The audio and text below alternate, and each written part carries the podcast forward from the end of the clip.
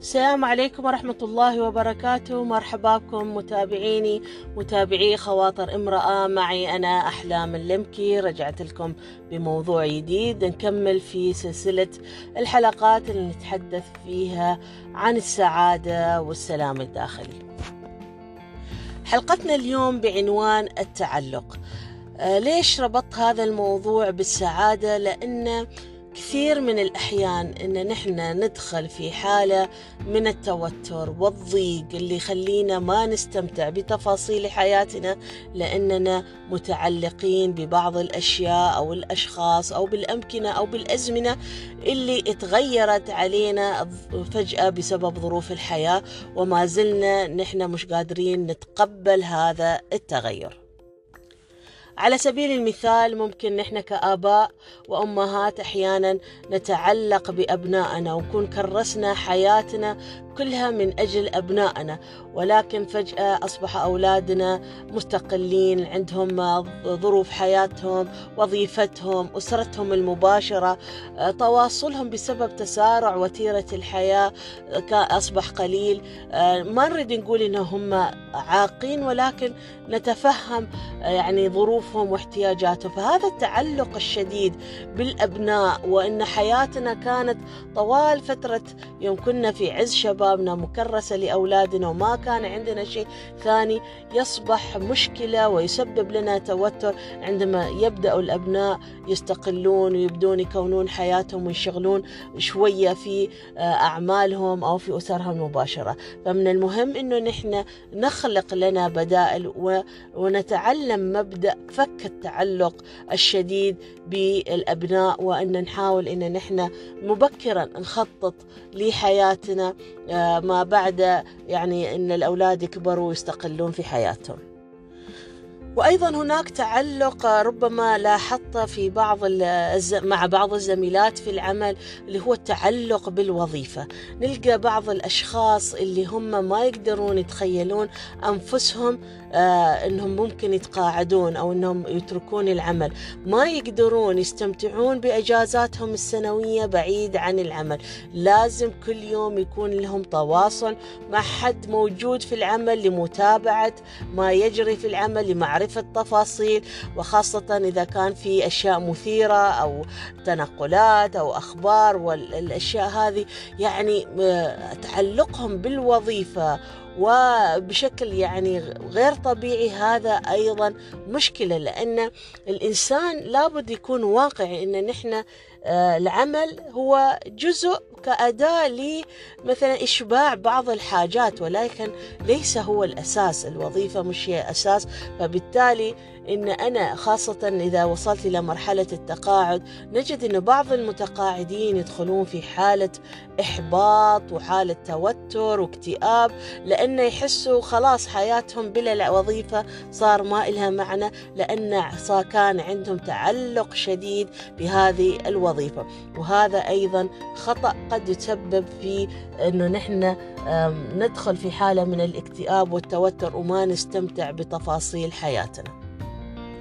وهناك نوع آخر من التعلق التعلق المكاني يعني عندما يضطر الإنسان أن ينتقل من مدينته إلى مدينة أخرى عندما مثلا أولادنا ننقلهم من مدرسة إلى مدرسة أخرى صار في هناك يصير الإنسان يعني يحس نوع من الضيق والتوتر مش قادر يتأقلم في في البيئة الجديدة ويمكن ياخذ هذا الشيء فترة طويلة جدا.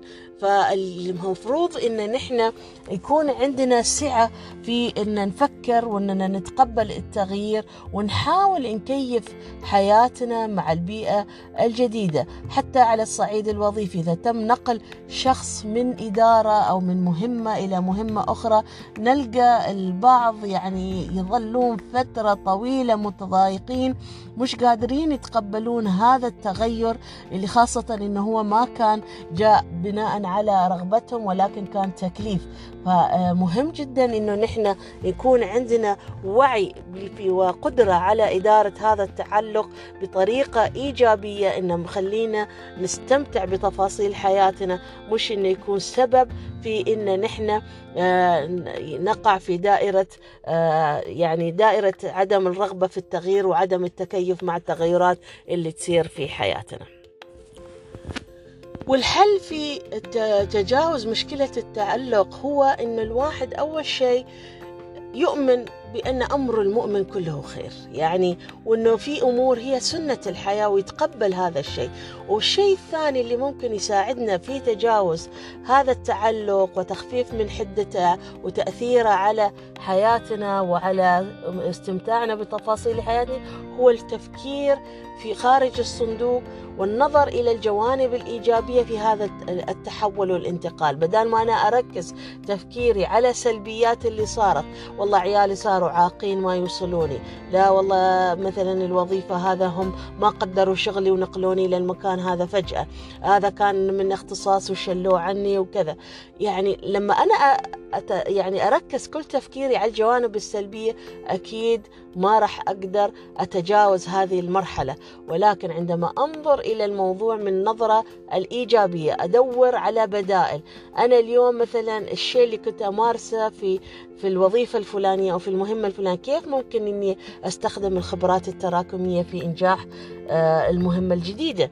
كيف ممكن أني أنا الطاقة الكامنة اللي كانت عندي؟ كنت مثلا آه، أقدر أسوي أشياء الوظيفة الجديدة ما أقدر آه، أستخدم فيها. هذه الطاقات على الصعيد الشخصي. في منصات التواصل الاجتماعي في ممكن أني أنا مثلا الطاقة هذه أستغلها في قراءات في أني أتدرب أتعلم شيء جديد. المهم أن الإنسان يحاول يخلق بديل يشغل فكرة وعواطفه ويملي الفراغ اللي صار في موضوع التعلق. التعلق الشديد بالشيء جدا يعني يعني مضر للصحة النفسية ودائما ممكن يتسبب لنا في توتر وما يخلينا نستمتع بتفاصيل حياتنا. ولكن هناك نوع واحد من التعلق أنا أعتبره تعلق إيجابي والمفروض أن نزداد تعلق فيه دائما وهو التعلق بالله التعلق بالدين بالعبادات. لأن كل ما عززنا وعلاقتنا برب العالمين كل ما أيقنا أن نحن في معية الله وأنه أي شيء من أقدار الحياة اللي نمر فيها هو أكيد في خيرة لنا.